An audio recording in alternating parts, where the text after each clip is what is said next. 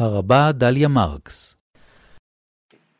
לקראת סיום ההתגלות של האל למשה במעמד הסנה הבוער, ההתגלות הניסית והמרגשת הזאת, שבה אלוהים הודיע למשה, אדון הנביאים, על גאולתם הקרובה של בני ישראל ועל תפקידו שלו בגאולה הזאת, נמסרת למשה ההוראה הבאה: ושאלה אישה משכנתה ומגרת ביתה, כלי כסף וכלי זהב ושמלות, ושמתם על בניכם ועל בנותיכם, וניצלתם את מצרים. בני העבדים המעונים והסובלים נקראים להיפרד מהפרק המצרי בחייהם או בחיי העם בניצול שכניהם.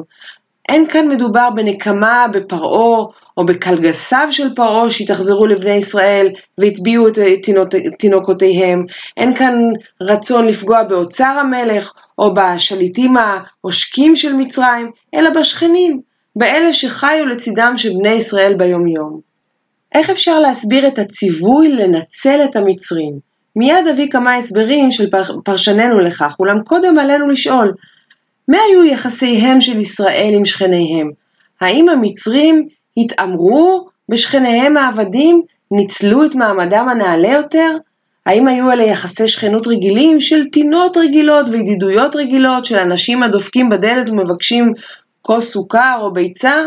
ואולי המצרים ריחמו על ישראל, אולי הם אפילו השתתפו בצערם, ומי יודע, אולי אפילו שמחו בגאולתם הקרבה. את התשובות לשאלות האלה לעולם לא נדע.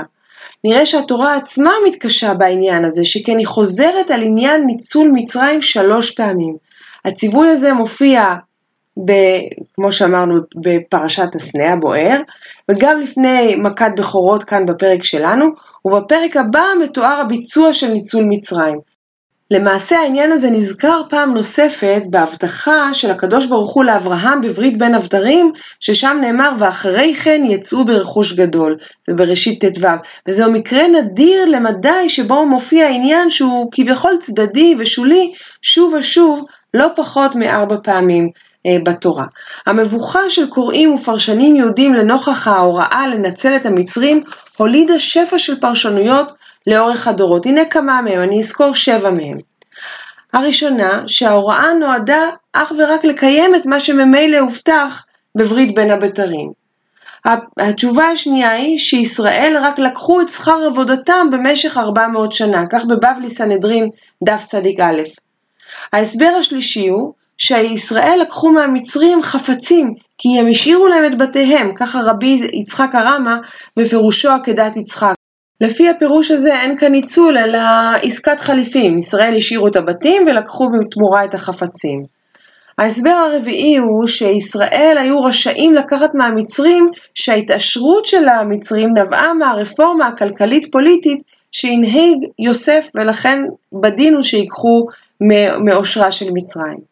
הסבר חמישי על ושאלה אישה משכנתה הייתה שהמצרים נתנו בשמחה ובידיעה שזאת בעצם מתנה, כך מפרש הרשב"ם.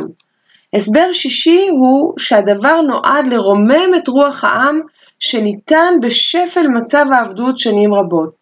כך מפרש הראיה קוק והוא מוסיף על כן ראוי להרגיל נפשו בבקשות גדולות כדי שיבוא מזה גם כן לשאוף לגדולות במעלות הנפשיות והמידות העליונות. ההסבר השביעי שאני רוצה להביא פה לציווי שנצטוו בני ישראל לנצל את מצרים, הוא הסברו של הרב בנו יעקב, שפעל במאה ה-19-20 בגרמניה. יעקב רואה במעשה הזה דווקא מעשה חינוכי, שבא לחנך את ישראל דווקא להכיר בטוב ליבם של המצרים, ואני קוראת מדבריו בתרגומה של נחמה ליבוביץ'. בליבו של בן ישראל היה השם מצרי קשור בזיכרונות מרים ביותר. אבל התורה אומרת, הן שלחו אתכם סוף סוף, כרעים, במתנות, כלי כסף וכלי זהב, ונהגו אתכם כשם שנצטוויתם אתם לנהוג בעבד עברי, אשר לא תשלחנו ריקם, זה מדברים ט"ו. ולכן, לא תתעב מצרי כי גר היית וארצו. זה משמות כ"ג. זאת אומרת, בכל זאת התארחנו בארצם של המצרים, ובחסות מלכם עוד קודם שקם המנהיג הנוכחי שלא ידע את יוסף. כל אחד מהפירושים האלה פורס ופותח מרחב של תפיסות עולם המלמדת על המפרשים אולי יותר מאשר על הטקסט המפורש, וישפטו השומעים אילו מן הפירושים נראים להם ואילו נראים להם פחות. ואני אודה כאן שאף אחד מהפירושים הללו אינו מניח את דעתי לחלוטין. בעיניי ההוראה לביצוע הזה של הגניבה חמורה במיוחד, כי היא מבוססת על הפרת אמון כלפי האדם הפשוט, ואני מתעודדת מכך שגם התורה רואה את הדבר כנראה כדבר שיש בו חומרה, ולכן היא חוזרת עליו ארבע פעמים. גורלו של הזהב הזה היה שהוא הותח כדי לבנות את עגל הזהב, ובהמשך נשרף הדק. אין תוחלת לכסף או לרכוש שהושג בניצול. תורתנו הקדושה אינה מכסה עניינים מביכים ומטרידים, ואינה מבקשת להצדיק את מה שקשה להצדיקו. היא שוטחת את הדברים האלה בפני הקוראים והקוראות, למען נשפוט אנחנו. תורתנו מותירה את השאלה המטרידה כשהיא בעינה. האם היותנו פגועים מתירה לנו לפגוע באחרים? דומני שעלינו לענות על שאלה זו בשלילה החלטית.